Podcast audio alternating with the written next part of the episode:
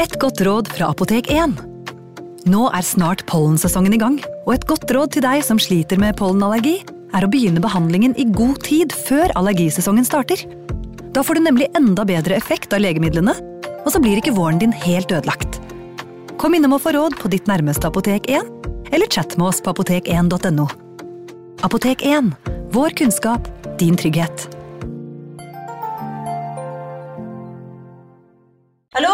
Jeg kommer fra Oslo politikammer.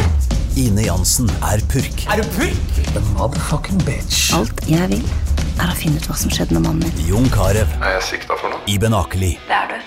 Ole So, Lars Berrum og Big Daddy Karsten. Hvem sin side er du på, egentlig? Anette Hoff, Tone Danielsen, Kommer du fra Afrika? Jørnis Josef, Nesten kløfta. Trond Espen Seim, Det er synd å si det, men det var feil mann som døde. Purk. Premiere tirsdag på TV2 Play. Ungsamtalen fra DNB er økonomisk veiledning tilpasset deg som er ung. Bokk en ungsamtale på dnb.no. slash ung. Det er kjempebra hvis du skal inn på boligmarkedet, hvis det er drømmen din, liksom. Det er det du skulle sagt. Og så kunne du ropt litt mer, da, sånn som jeg gjorde. Bam! Februar 2013. 21 år gamle Elisa Lam har vært forsvunnet fra hotell Cecil i San Diego i over to uker. En overvåkningsvideo hvor man kan se Elisa i hotellets heis, publiseres av politiet. Videoen var siste livstegn fra den unge kvinnen som ble funnet død noen dager senere på det samme hotellet hun forsvant fra. I videoen oppfører Elisa seg så merkelig at hva som egentlig skjedde med henne, fortsatt diskuteres over hele verden. Hvorfor døde Elisa Lam?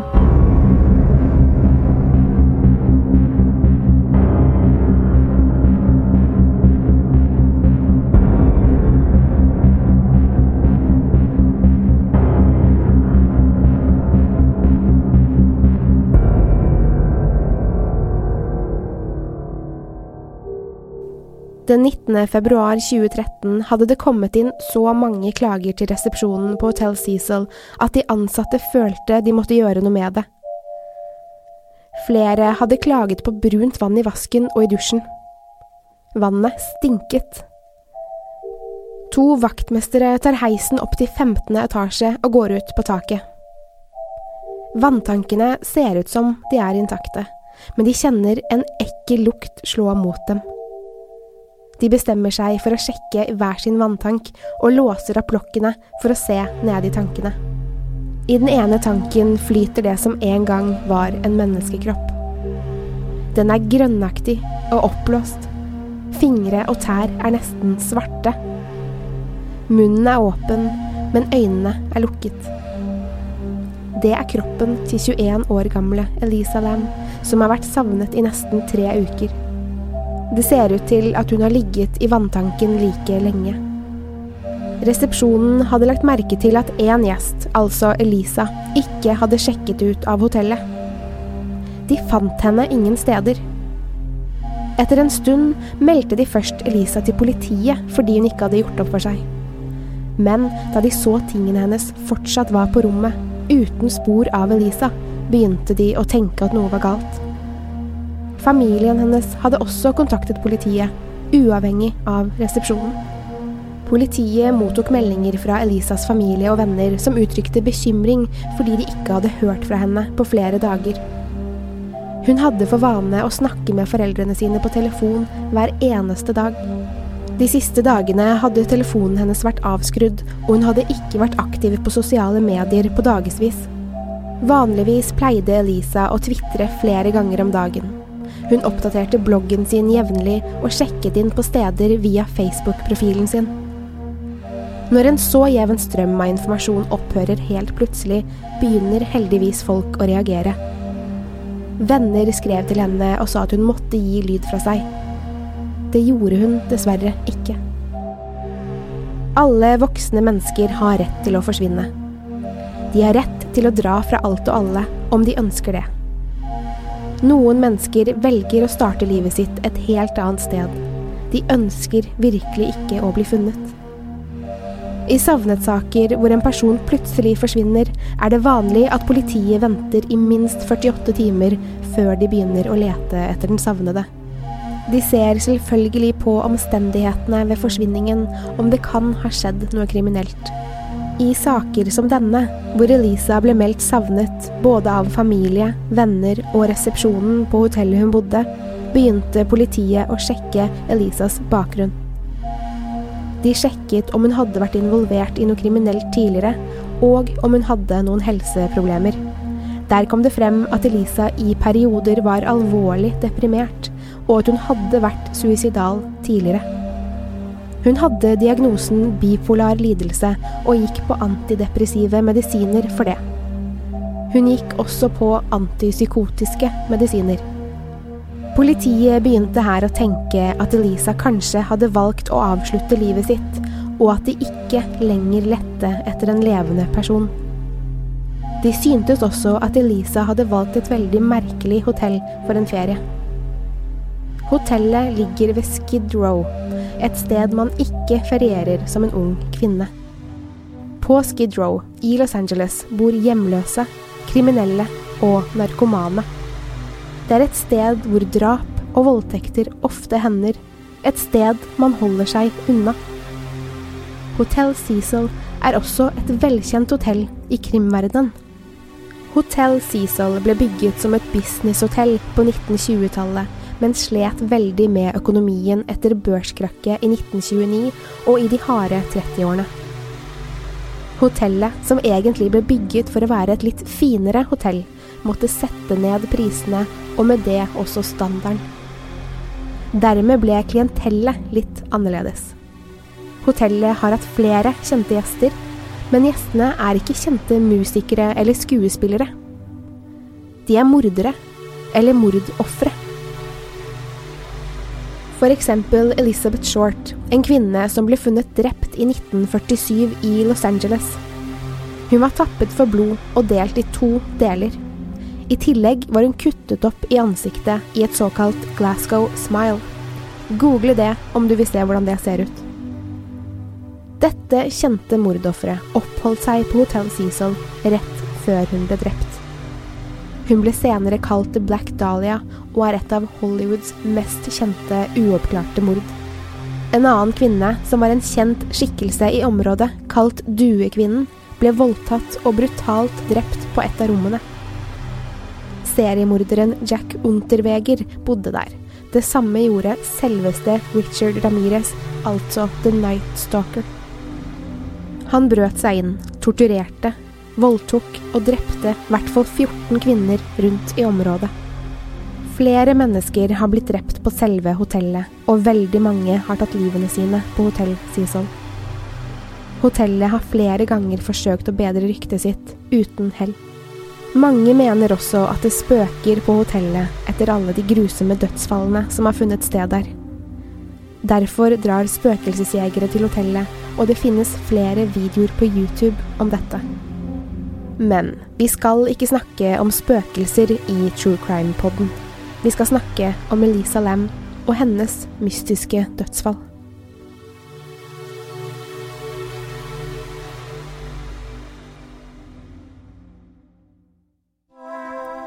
Politiet visste på dette tidspunktet at Elisa slet psykisk, men familien som egentlig ønsket å holde dette hemmelig, kunne bekrefte at den psykiske helsen hennes hadde vært bra i flere måneder før hun tok denne reisen. Hun hadde virket mer positiv, og hadde til og med begynt å planlegge for fremtiden. Generelt hadde hun virket gladere og lettere til sinns venninner som hadde holdt et såkalt going away-party, hvor de rett og slett samlet seg for en siste fest med gjengen på noen måneder, hadde Elisa fortalt at hun gledet seg både til reisen, men også til å komme hjem for å fortsette livet sitt. På bloggen sin, men også på Twitter, virket hun positiv og glad. Men hvem var Elisa Lam? Hun var født og oppvokst i British Columbia i Canada av innvandrerforeldre fra Hongkong. På tidspunktet hvor hun forsvant, var hun 21 år gammel. Hun gikk på college, var interessert i kunst, mote, teknologi og psykologi.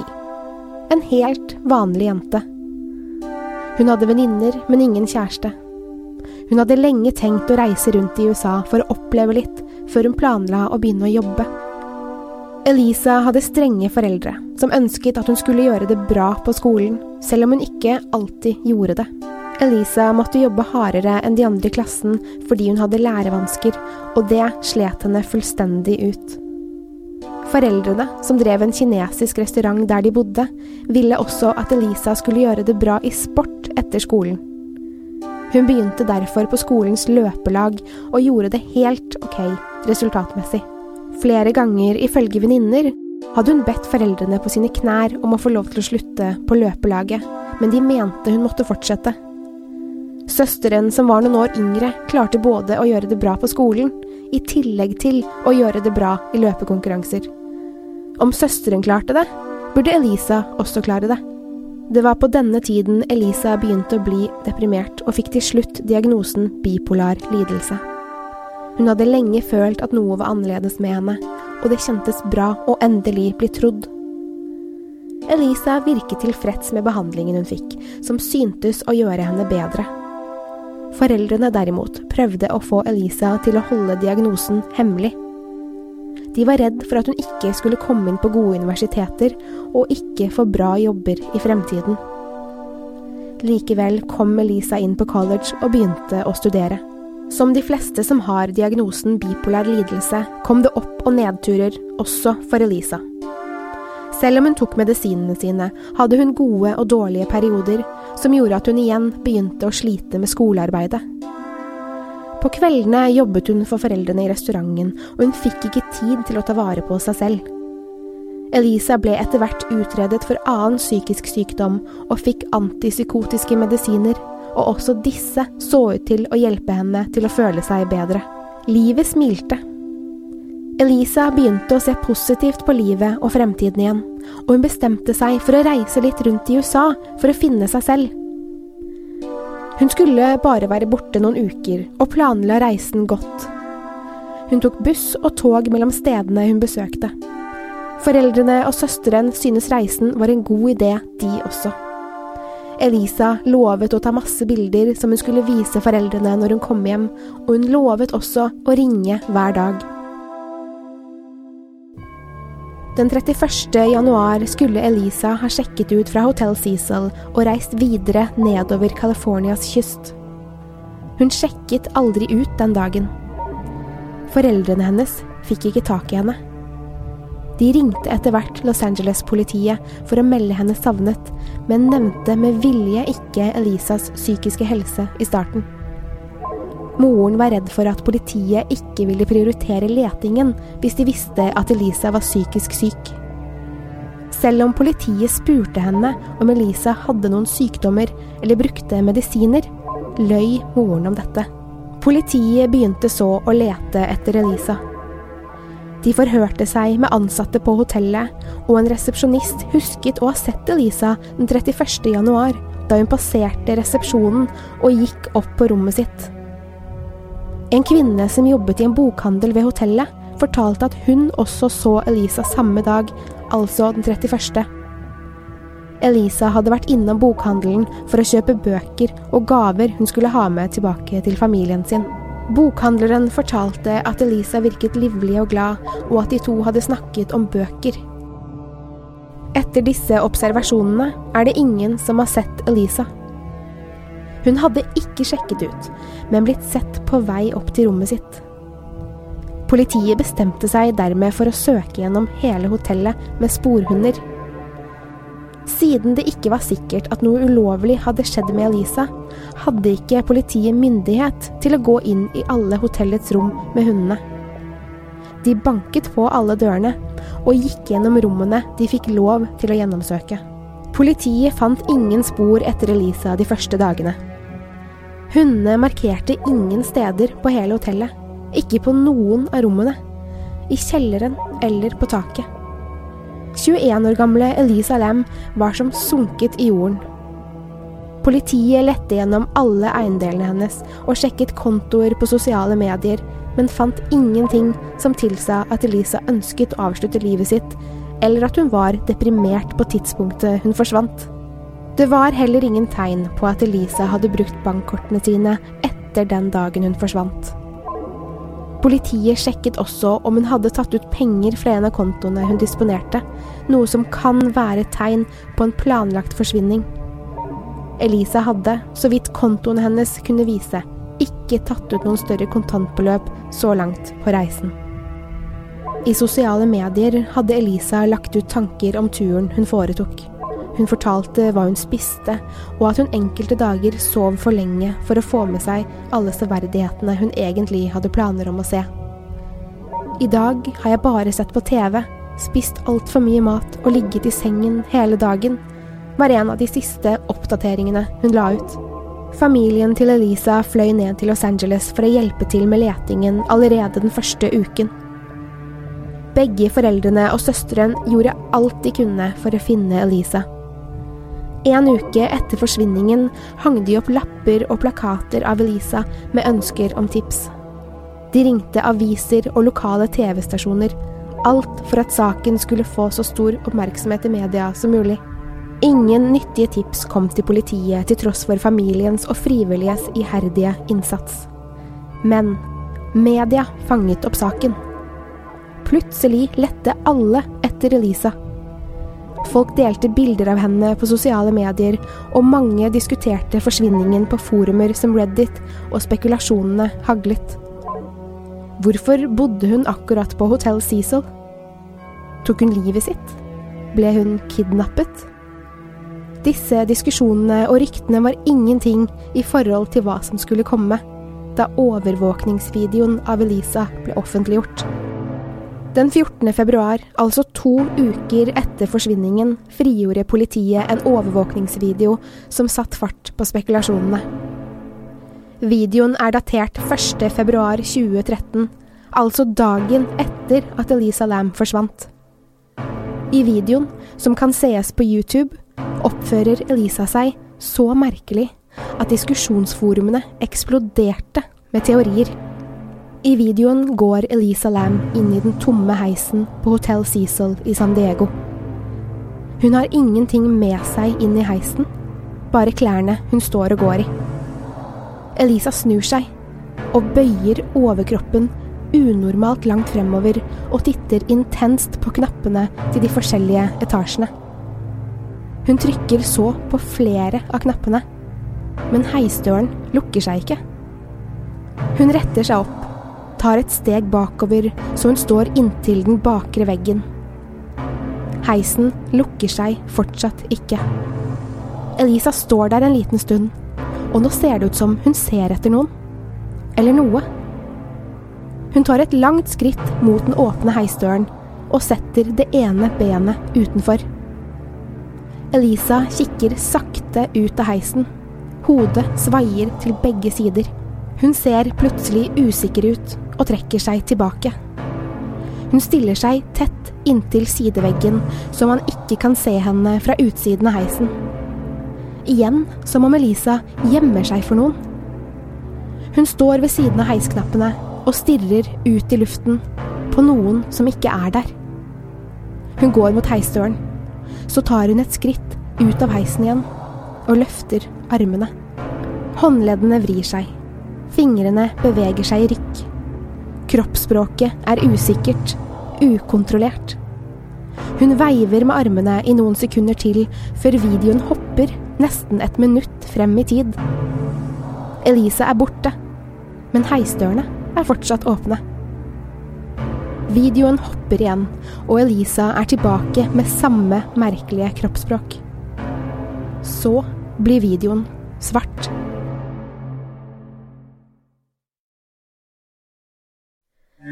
I løpet av de første ti dagene ble videoen sett mer enn tre millioner ganger, og fikk over 40 000 kommentarer. Folk syntes oppførselen til Elisa var så skremmende. Noen trodde hun var besatt av demoner, andre trodde hun var i en slags psykose. Flere lurte på hvorfor heisdørene ikke lukket seg på så lang tid, og syntes det var uvanlig. Det at videoen hopper frem et minutt, satte også spekulasjonen i gang. Politiet forklarte etter stort press at minuttet som ble fjernet, ikke var relevant for allmennheten. Men hvorfor fortalte de ikke.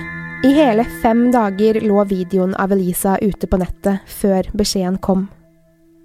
Den 19. februar ble liket av Elisa funnet i den ene vanntanken på taket av Hotell Cecil.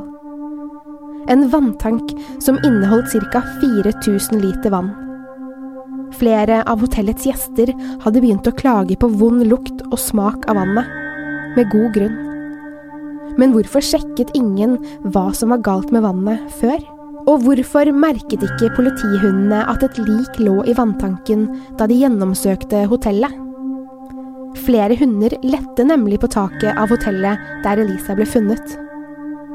Nyheten om Elisas død var tung å takle for familien hennes.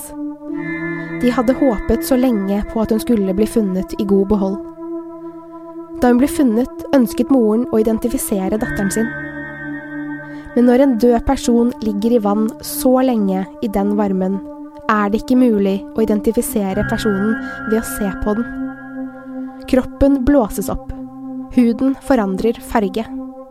Håret faller av, og alle trekk man normalt ville kjenne igjen, blir borte.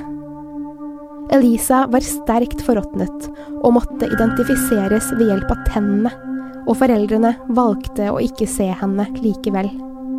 Rettsmedisineren mente at Elisa hadde ligget i vanntanken siden hun ble savnet to uker tidligere.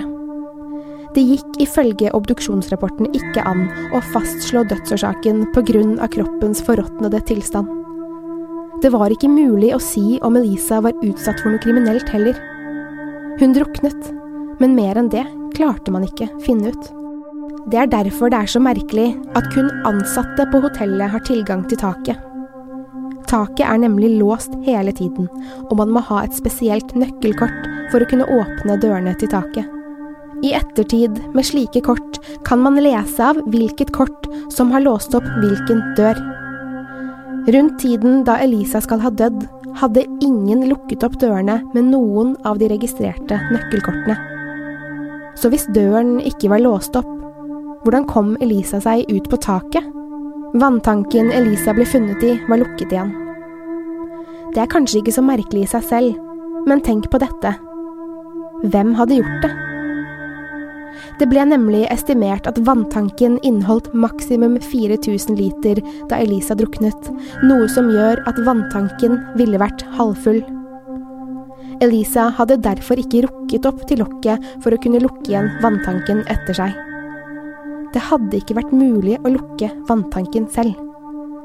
Men noen har altså lukket den, selv om ingen har vært på taket, ifølge nøkkelkortsystemet. Siden det ikke så ut som Elisa hadde noen skader på kroppen, begynte man å tenke at hun kanskje hadde klatret ned i vanntanken selv. Men hvorfor? Om Elisa skulle ha tatt livet sitt, hvorfor hoppe ned i en halvfull vanntank når hun i så fall kunne ha hoppet fra taket hun allerede var på? Klærne til Elisa hadde partikler fra sandkornene på taket, noe som kan tyde på at hun hadde ligget eller sittet på taket. Hadde hun kanskje vært der med noen? Toksikologiske tester viste at Elisa hadde tatt de antidepressive medisinene sine, men ikke de antipsykotiske. Kunne dette forklare den merkelige oppførselen i heisen samme dag som hun døde? Hun hadde litt alkohol i blodet, noe som indikerte at hun hadde drukket mindre enn en øl. Hun var altså ikke beruset, og hadde ikke tatt noen narkotiske stoffer annet enn riktig mengde antidepressive medisiner. Så hva i alle dager hadde skjedd med Elisa? Teoriene er selvfølgelig utallige, og jeg kommer til å nevne noen. Teorien om at Elisa tok livet sitt, er nok den som flest tror på. Selv om det finnes mange aspekter som tilsier at hun ikke tok livet sitt, var det til slutt det politiet og rettsmedisineren mente hadde skjedd. Det fantes ingen motiv for å drepe Elisa, Ingenting som var hennes ble stjålet, og ingenting i hennes oppførsel eller bevegelser før dødsfallet tilsier at hun var suicidal. Hun oppførte seg merkelig, ja, men det som skjedde i heisen er heller et tegn på psykose eller alvorlig forvirring. Og det leder meg til neste teori. The Elevator Game. Eller Heisleken på norsk. Har du hørt om den? Heisleken er en urban legend som tilsier at hvis du går gjennom forskjellige trinn i denne leken, kommer du til en annen dimensjon, altså en helt annen verden. Det er visse regler man må følge for å kunne komme til denne dimensjonen. Og om man følger disse reglene og klarer å komme til den andre dimensjonen, er det ikke sikkert man kommer tilbake. Det er denne leken, som bare er en myte, veldig mange mennesker tror at Elisa gjorde før hun døde. Grunnen er måten hun trykker på knappene på, og måten hun ser seg rundt både i og utenfor heisen. Det at hun endte opp død, betyr ifølge mange at hun ikke klarte å komme seg tilbake til vår verden. Jeg vet, det høres jo helt teit ut. Men likevel, for å få en forståelse av hva heisleken er, har jeg oversatt trinnene, og jeg kommer til å lese de opp her. Jeg vet ikke om jeg bør si dette, men for sikkerhets skyld, ikke prøv dette hjemme.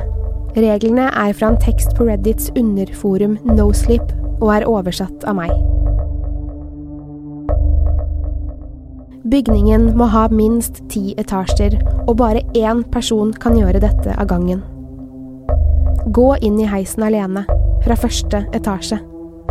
Hvis det kommer noen inn i heisen mens du skal gjøre dette, må du vente til du er alene igjen. Trykk på fjerde etasje, og vent til heisen åpner dørene i fjerde etasje. Gå ikke ut av heisen. Trykk på knappen til andre etasje. Vent til dørene åpner seg. Gå ikke ut av heisen i andre etasje, men vent til dørene lukker seg, og trykk på knappene til sjette etasje. Her skal du heller ikke gå ut, bare trykke på knappen som tar deg til andre etasje igjen. Ikke gå ut av heisen. Trykk på knappen til tiende etasje. Vent til dørene åpner seg. Det er her flere begynner å høre stemmer i heisen. Ikke svar dem, uansett hva de sier til deg. Ikke gå ut i tiende etasje. Bli i heisen og trykk på knappen til femte etasje. Det er her damen kommer inn. Damen kan være ukjent, eller hun kan være en du kjenner. Hun vil komme til å prøve å snakke med deg. Ikke svar henne under noen omstendigheter. Ikke se på henne, ikke engang anerkjenn at hun er der. Dette er veldig viktig. Nå skal du trykke på knappen til første etasje. Om heisen istedenfor går opp til tiende etasje, har du gjort ritualet riktig. Hvis heisen går ned til første etasje, har du gjort noe feil. Da er det veldig viktig at du kommer deg ut så fort som mulig i første etasje.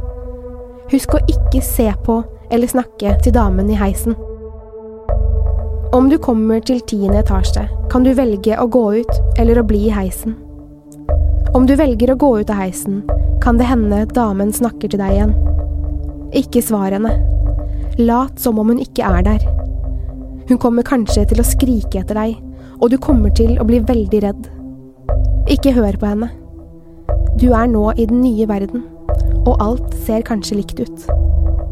Det eneste som er forskjellig, er at du er den eneste som er der. For å komme deg tilbake til den vanlige verden igjen, må du gå inn akkurat samme heis som du brukte sist. Gjør alle stegene i motsatt rekkefølge, helt til du kommer til femte etasje. I femte etasje trykker du på knappen til første etasje igjen. Ikke bli redd eller få panikk om heisen går opp til tiende, men trykk for all del på hvilken som helst knapp, så du ikke kommer deg til den tiende etasjen. Dette er veldig viktig. Når du er kommet til første etasje, sjekk at alt ser normalt ut før du går ut. Hvis bare noe er litt utenom det vanlige, som eksempel lyder, lys eller lukter, er du ikke tilbake igjen. Da må du ikke gå ut av heisen. Om du mener at alt er vanlig, kan du gå ut som ingenting har skjedd. Men nåde deg om du finner ut senere at noe er annerledes. Dette var altså heisleken, noe som faktisk ganske mange har prøvd seg på. Det er dette mange mener at Elisa Lam gjorde, og noen mener hun så damen man ikke skal se på. At det var derfor hun døde. Hva tror du? Om du tenker på stegene i heisleken, og så ser på videoen av Elisa i heisen, hva tenker du da? Det er en teori til, som jeg selv mener er den mest trolige. Nemlig den at Elisa var i en slags psykose, at hun var forvirret. Hun visste ikke hva hun drev med, kanskje hun innbilte seg at hun ble forfulgt og i desperasjon gjemte seg på taket og etter hvert i vanntanken.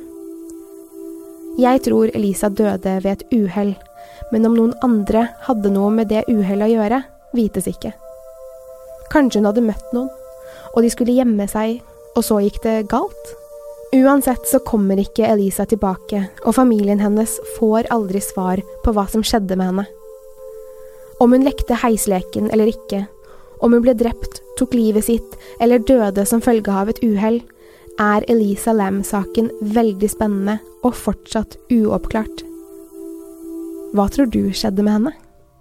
Har du innspill eller reaksjoner til denne episoden, send meg gjerne mail på post at truecrimenorge.no. Videoen av Elisas såkalte heislek legges ut på Instagram. Der heter vi True Crime Norge. Om du har tips til andre saker du vil høre om i denne podkasten, send meg gjerne mail, eller kontakt Truecrimepodden på Facebook. Jeg forlater Hotell Cecil og San Diego for denne gang, og tar heisen videre til en ny etasje. Takk for at du har hørt på True